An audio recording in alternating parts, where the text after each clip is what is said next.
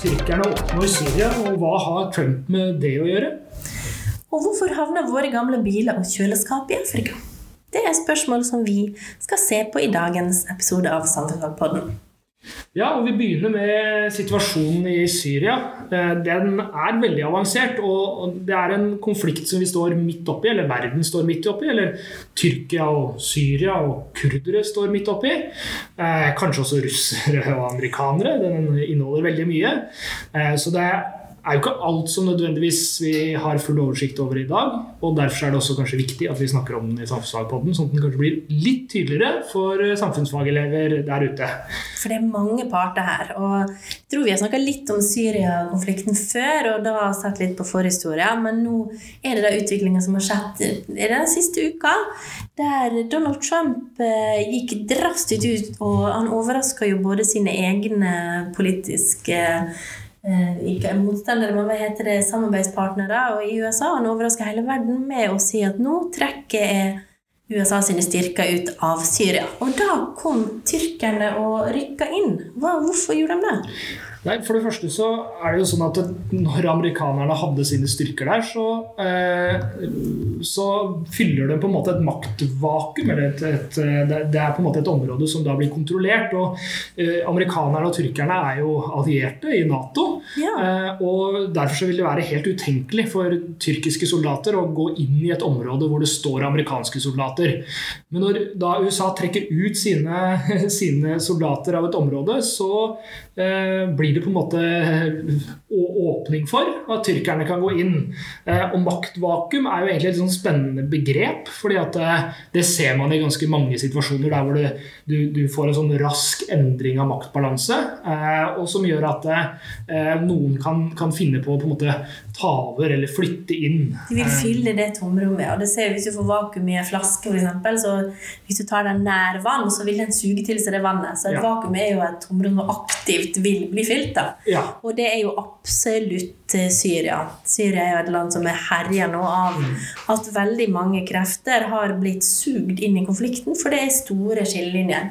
Men jeg tenker vi må snakke litt om kurderne. Ja. For jeg tror for å forstå hva som skjer her, så må vi forstå eh, hvem kurderne er. Det er sikkert mange som har hørt snakk om den. og så Når vi snakker om de i klassene mine, så er det noen som har sagt ja, bor de i Kurdistan?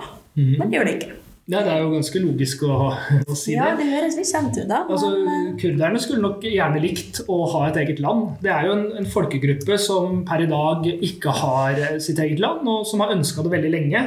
Eh, og det kan kanskje sammenlignes litt med situasjonen med Israel og Palestina, eh, selv om konflikten på en måte ikke har vært så opp i dagen og så aktuell. Men veldig mange politiske ungdomsorganisasjoner i Norge for eksempel, har jobba for og med eh, kurderne for at de skal få sitt eget eh, landområde. Og de hører jo til i et område i Tyrkia, et område i Syria og Irak. og og har til en viss grad et eget styre, styresett. altså De har, en, har vel folkevalgte uh, personer osv.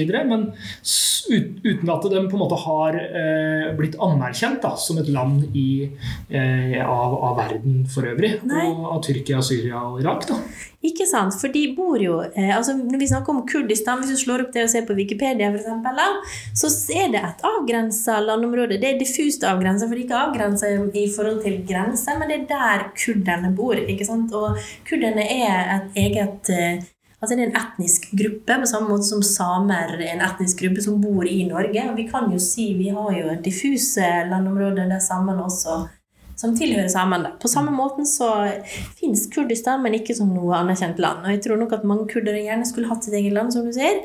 Eh, men det er avhengig av de landene som kurdernes landområde ligger inni, må si fra seg det området. Da må vi si ok, det er ikke det her Tyrkia lenger, eller det er ikke det her Norge lenger, det er det her Kurdistan. Ja. Eh, og det er Tyrkia er ikke interessert i. De har sagt at bor du i Tyrkia, så er du tyrker og ikke kurder. Mens eh, spør du en kurder, Og vi har en del av de her i Norge mm. med kurdisk bakgrunn, for de er jo forfulgt. Forfulgt i mange av de landene som de har tilhørighet til. Da. Så de er en eh, etnisk gruppe som har vært utsatt for mye undertrykking. Men spør du eh, ja, en tyrker, så er du bare tyrkisk hvis du bor i Tyrkia. Du er ikke kurder. Så det er ikke rom for den etniske identiteten der. Nei. Nå er vi jo i en situasjon der hvor det er tyrkerne som Eh, går inn i de områdene som kurderne har eh, kontrollert, eller hatt hjelp til å kontrollere av amerikanere. Eh, og tidligere så, altså Det er viktig å ha med seg historien her, for kurderne har jo blitt behandla dårlig ikke bare av tyrkere, men også i Irak. altså Saddam, Det er jo en av grunnene til at Saddam Hussein eh, måtte, ble tvunget av sin trone i Irak. Og han har blitt stilt til Eh, retts for eh, folkemord på kurdere i Irak. Så eh, det er, det er et, en, en, folkegruppe som har opplevd fryktelig mye galt. Mm. Og nå går jo bl.a. Amnesty ut og advarer mot den situasjonen som nå oppstår, og sier at tyrkerne Eller de har bevis på at tyrkerne har angrepet sivile, bomba sivile bilkonvoier og, og angrepet sivile mål som bakerier og skoler og sånn. Eh, og det er jo en veldig alvorlig situasjon, fordi at i krig så er det også regler. Eh, og det er en sånn rar uh, greie. det er greit å drepe hverandre, men gjør det på rett måte. Og det er at sivile skal man helst ikke drepe da i krig. Du, folk som er militære, har på en måte signa opp for jobben. De vet hva de er med på. De er kanskje utrusta på en annen måte til å forsvare seg også.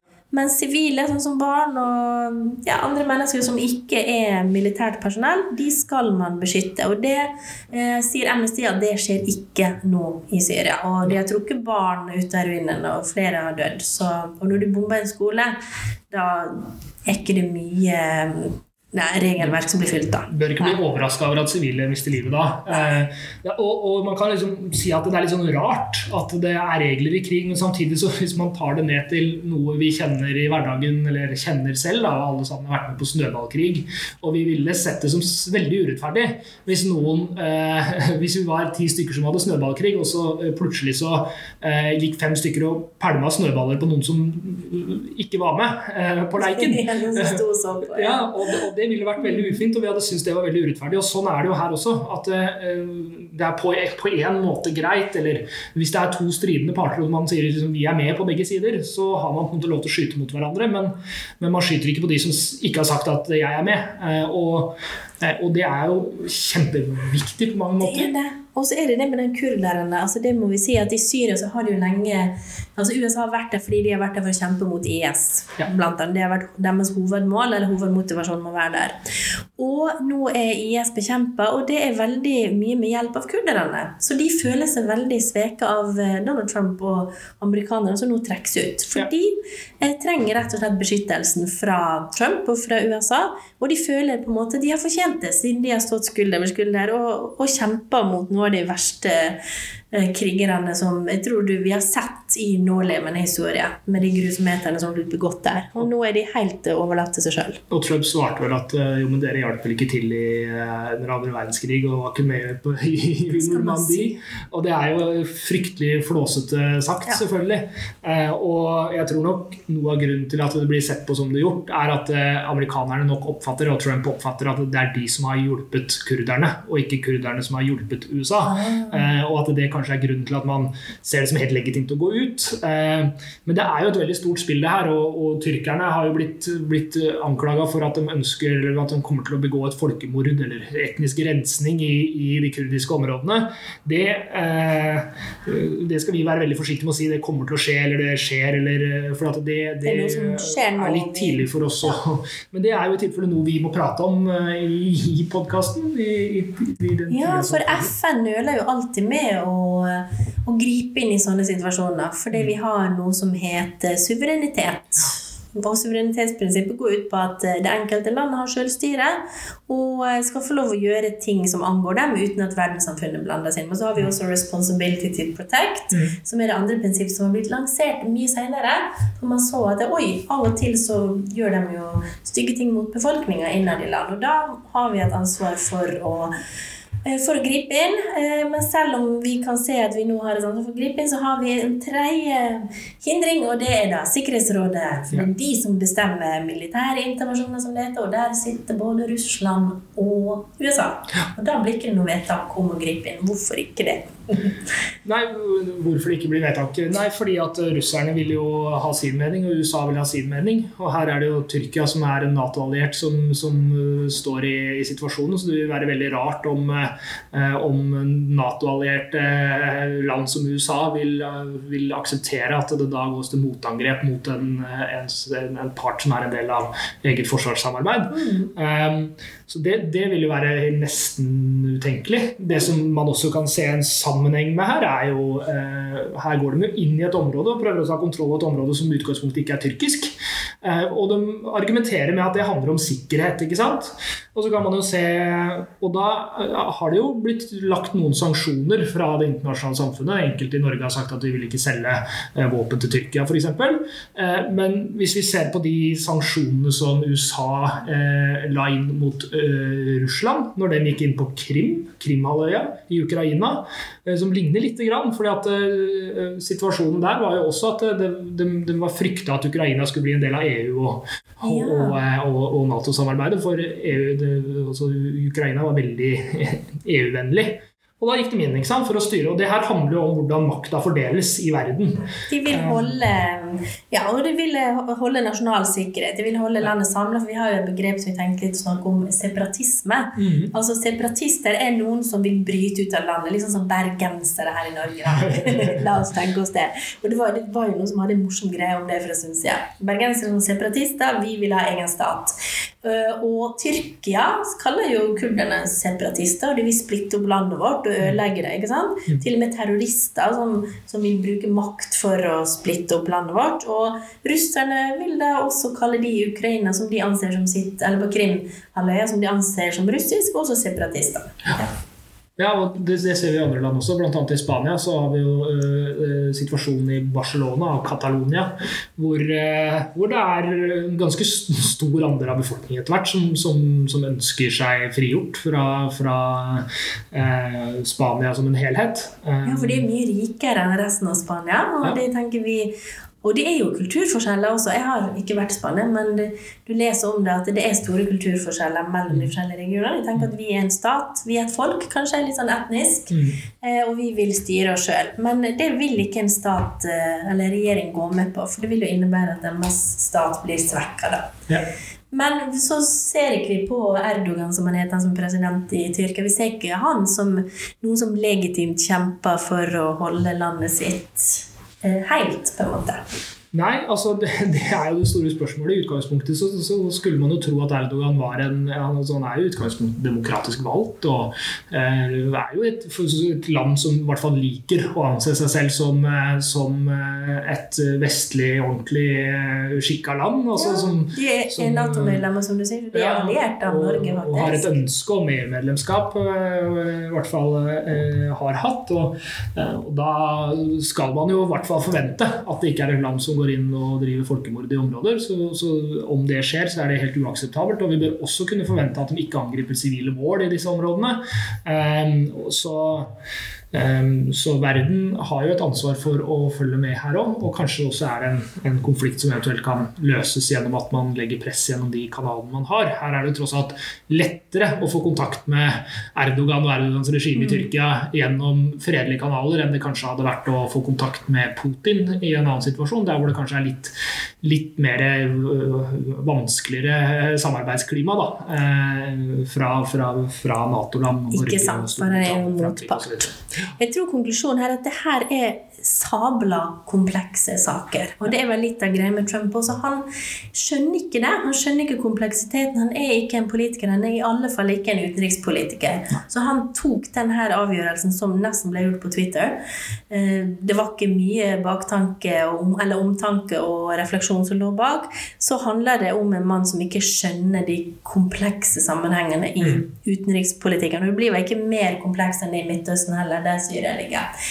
Så da håper vi at uh, dere i hvert fall har eh, litt grep på hvem kurderne er, og hvorfor, var det som skjer akkurat nå. Kanskje var en separatist, det også. Ja. Og litt mer om FN og hvordan de fungerer og ikke fungerer, får vi se. Skal vi se litt på eh, den neste saken, da, som handler om søppelet vårt. Ja. Vi spilte spørsmål om hvordan, hvorfor biler, gamle biler og gamle kjøleskap og TV-er og eh, elektrisk avfall havner i Afrika. Og eh, jeg har jo kikka på eh, dokumentaren som heter 'Søppelsmuglerne', som går på NRK. NRK Brennpunkt som jeg har hatt. Hvis dere ikke har sett den, så bør dere se den, for den er veldig bra. Eh, for å ta en sånn rask recap uten å, uten å, på en måte Jeg tror ikke vi skal avsløre for mye, for da blir det ikke spennende å se den. Men eh, her er det eh, en gjeng med journalister som setter GPS-trackere på eh, biler som er, de anser som mistenksomme i, eh, i bl.a. Bergen. Og, eh, og finner ut at disse bilene havner altså i afrikanske land. Eh, hvor, eh, og inneholder stort sett elektrisk avfall. Eh, og det stjeles fra Elkjøp sin søppel, søppelmottak, for at er, det er jo krevd at de skal ta imot Ja, for jeg kan levere inn min gamle mobiltelefon der når, den, når jeg kjøper ny, og kjøleskap også. For det at jeg vet at i kjøleskapet så er det gasser som eh, er både drivhusgasser som skaper global oppvarming, men også som ødelegger ozonlaget. Og det vil jo ikke jeg skal bare havne på dunga. Så da har jeg jo levert inn hos eh, Elkjøp. Men sier du at noen da kommer og tar det, da? Ja, de tar det, og gjerne det som er ødelagt også. fordi at vi, øh, altså, Hvis du er opptatt av miljøet, så bruker du kjøleskapet til det går i stykker. Eh, Og når det går i stykker, så tar du med deg. Og, de som selger elektroniske produkter i Norge, er, eh, er plikta til å ta, også ta imot. Og eh, da stjeler de, og de, de, de tar altså ting Det har ikke noe å si om de fungerer eller ikke fungerer. Og det her har forundra Elkjøp. da. Ja, og det skjønner jeg godt. Hvorfor kommer noen og stjeler ødelagte kjøleskap? Det, veldig, det høres jo veldig rart ut. Men det det viser seg er jo at dette her sender man av gårde og, og tjener ganske mye penger på. Eh, bilene også kan kjøpes for 15 000 kroner i Norge og selges for 50 55 000 norske kroner i, i disse afrikanske landene. Eh, der hvor de eh, fungerer mer eller mindre godt. Eh, og grunnen til det er jo tilbud og etterspørsel. Eh, fordi at de, de dyre bilene er jo helt uoverkommelige. Altså nye biler er jo helt uoverkommelig dyre eh, i de, Så da er billige bruktbiler faktisk lukrative. For det er det du har råd til. Ja. Ja, altså en, en gammel Ford Transit i Norge som vi anser som ubrukelig i Norge, vil være en helt grei og god bil i, i, i, i Det sier noe om den globaliseringa, for globalisering er jo det det handler om. Altså, at vi har forskjeller. Det her drives jo av forskjellene. Fordi vi er rike, så bryker vi oss om avfallet vårt og de verdiene som måtte være der. Mens i fattige land så vil de tingene være verdifulle. Så ikke bare dumper vi avfallet vårt, vi dumper også en haug med problemer. Ja, definitivt. fordi at de søppelplassene som det her havner på altså Det kan jo nesten ikke kalles søppelplasser engang. fordi at Og her kommer vi midt inn i bærekraftsbegrepet. for at veldig mange tenker Når vi sier bærekraft, så tenker de nok sånn Ja, men det handler om miljø. Ja, det gjør det. I aller høyeste grad. Men bærekraft består av tre begreper i all hovedsak. og Det er sosial bærekraft, økonomisk bærekraft og miljømessig bærekraft. og eh, i, de, I den situasjonen her så er det jo alle tre som er virksomme. Altså eh, miljømessig bærekraft fordi at det, det slippes ut uten noe som helst slags eh, filter. Altså de, de står og banker i stykker deler eh, og tar ut ulike metaller fra, eh, fra disse gamle tinga. Uh, uten uh, noe som helst beskyttelse, uten noe som helst filtrering. Det brenner kabler så det bare går rett i atmosfæren. Uh, så miljømessig er det jo kjempeskadelig, selvfølgelig. Den andre sida av det er det jo også økonomisk utfordrende, fordi at de menneskene som jobber med det her, får nesten ikke lønn. De tjener veldig veldig lite for å gjøre en veldig veldig farlig jobb. Var det 40 kroner Nei. For de utvinner noe Ja, metall der, per kilo, 40 Ja. kroner per kilo kobber, tror jeg det var. Det er en del arbeid som ligger bak eh, Ja. å utvinne 40 kilo. Det kan Det jeg utfordre folk til å prøve å gjøre. Det tar en lang tid, og det er jo ikke småtteri det er snakk om heller. Eh, Det samles jo inn årlig 50 000-60 000 tonn, skriver NRK, av sånn såkalt EE-avfall, som er elektrisk avfall. Da, som, altså, vi samler det inn for en grunn, fordi det er miljøfarlig avfall. Eh, og da, når det forsvinner mellom 4 000-10 000 tonn eh, elektrisk avfall fra de norske forhandlerne, så er det snakk om en femtedel av totale, det totale innsamla. En sjettedel, kanskje. Ja. Mm. Så det er jo Det gjør jo noe med altså, ja, vår politikk når det gjelder å gjenvinne Eh, sånt avfall det går jo helt eh, i dørken, for det, det fungerer jo ikke. Nei, og så er det jo så viktig og så bare For å ta den sosiale bærekraften Ja, også, da, så handler det her om mennesker som altså For å betale skolegang til søstera si eller, eller til barna sine, så jobber de og, og blir syke. Og de sier jo det, Og så kan man tenke sånn Nei, men de, de, de har jo ikke skolegang, så de veit ikke bedre. Jo, de veit det. De veit at de blir syke. Det, det er ikke noe overraskelse. Det er ingen av dem som blir syke og tenker 'hvorfor ble jeg det?' Eh, Det, det er de opplyst om, men de har ikke noe annet valg. Og det er et kjempeproblem. Og så er det jo Altså, skal vi klare å løse miljø- og klimaproblemet, så er vi avhengig av mye elektriske komponenter. Skal vi klare å få til det? Altså, Elbilene er en kjempedebatt. Er det egentlig miljøvennlig? Hvordan alle disse metallene som er i batteriene? Ja, det er en utfordring, men da må vi klare å resirkulere det. Hvis vi kan bruke de metallene om igjen og om igjen og om igjen, Ja, det da kan det da kan det bli bærekraftig. Mm. Men det, det får vi ikke til hvis vi sender de batteriene eller de tinga våre til et sted der hvor man må brenne ting i stykker for å få tak i metallene. Der må man Nei, gjøre det på en miljøvennlig måte. Ja, og, og som eh, ikke er helsefarlig, for det er jo rett og slett helsefarlige gasser og sånne ting som blir håndtert der. Men det er litt sånn verden er i dag, da. At eh, de fattige delene av verden må ta støyten for veldig mye av det avfallet og de Ja, det, det som skjer her i Vesten, da. Det er jo selvfølgelig ikke noe vi gjør bevisst, men det er kriminalitet. Her er jo miljøkriminalitet på høyeste Noen gjør det jo bevisst. Ja, det er noen her som gjør men det er ikke vi i Vesten som samler størrelse som gjør det bevisst. Det her er kriminelle som har sett et marked Ja. og utnytter den der noe forskjell i rikdom og, og makt. Samtidig så er det jo noen systemer som ikke fungerer her. fordi at man eh, sender jo, altså man fyller disse bilene fulle av eh, EE-avfall, altså elektrisk avfall, eh, og maler igjen vinduene på dem, sånn at du ikke skal se hva som er inni der. Og så sier jo de som frakter dem, sier vi har ikke ansvar for det her. ikke sant? Og så skal tollerne sjekke, men det tar veldig mye tid å sjekke, og de kommer seg ikke nødvendigvis inn i bilene. Og så kommer det til Hamburg, hvor det skal da sendes videre, og da er det tilsvarende. Rederiet sier vi har ikke ansvar for det her. Eneste vi må være sikre på, at bilen kan kjøre, er kjørbar. Men her, er det jo, her kan man gjøre noe med systemet, for man kan f.eks. si at det er ulovlig å uttransportere biler som inneholder noe annet enn det som hører til bilen. Eh, Ja, ok, Du kan ha et par dekk inni der hvis det hører til bilen, men ikke, du kan ikke ha eh, TV-er og kjøleskap inni bilen når du sender den ut. Nei, det må jo være må jo være den enkleste løsningen. Og vi ser jo et typisk eksempel på at eh, de kriminelle kan være ganske globaliserte, og de nyter, de nyter jo godt av å ha et sånt nettverk som går fra Norge til Afrika via Hamburg, mens politiet ikke har den samme internasjonale sånn aspekt. Selvfølgelig det er et visst samarbeid, men de ligger bak. Mm. Eh, og nå har, takket være noen gravejournalister, så har de sett sammenhengene. Men det her er jo politiarbeid som vi gjerne skulle sett ble gjort da, Ja. på eh, globalt plan. Definitivt. Vi burde kanskje hatt et eh, eget eh, bærekraftspoliti i verden. Det er sant, for det at et av bærekraftsmålene til FN selvfølgelig er veldig fint det du sier med de tre dimensjonene. Det er veldig viktig at vi husker det er ikke bare klima. det er vi får ikke et bærekraftig samfunn uten at eh, vi har rettferdighet eh, som sosial bærekraft. Ja. Men et av dem, mål 17, som er kjempeviktig, det siste målet, det er samarbeid for å nå målene. Mm. Vi må styrke gjennomføringsmidlene og fornye globale partnerskap for bærekraftig utvikling, eh, står det på FN sine sider. Så de har akkurat absolutt sett det, at for å få til det her, så må vi samarbeide. Definitivt.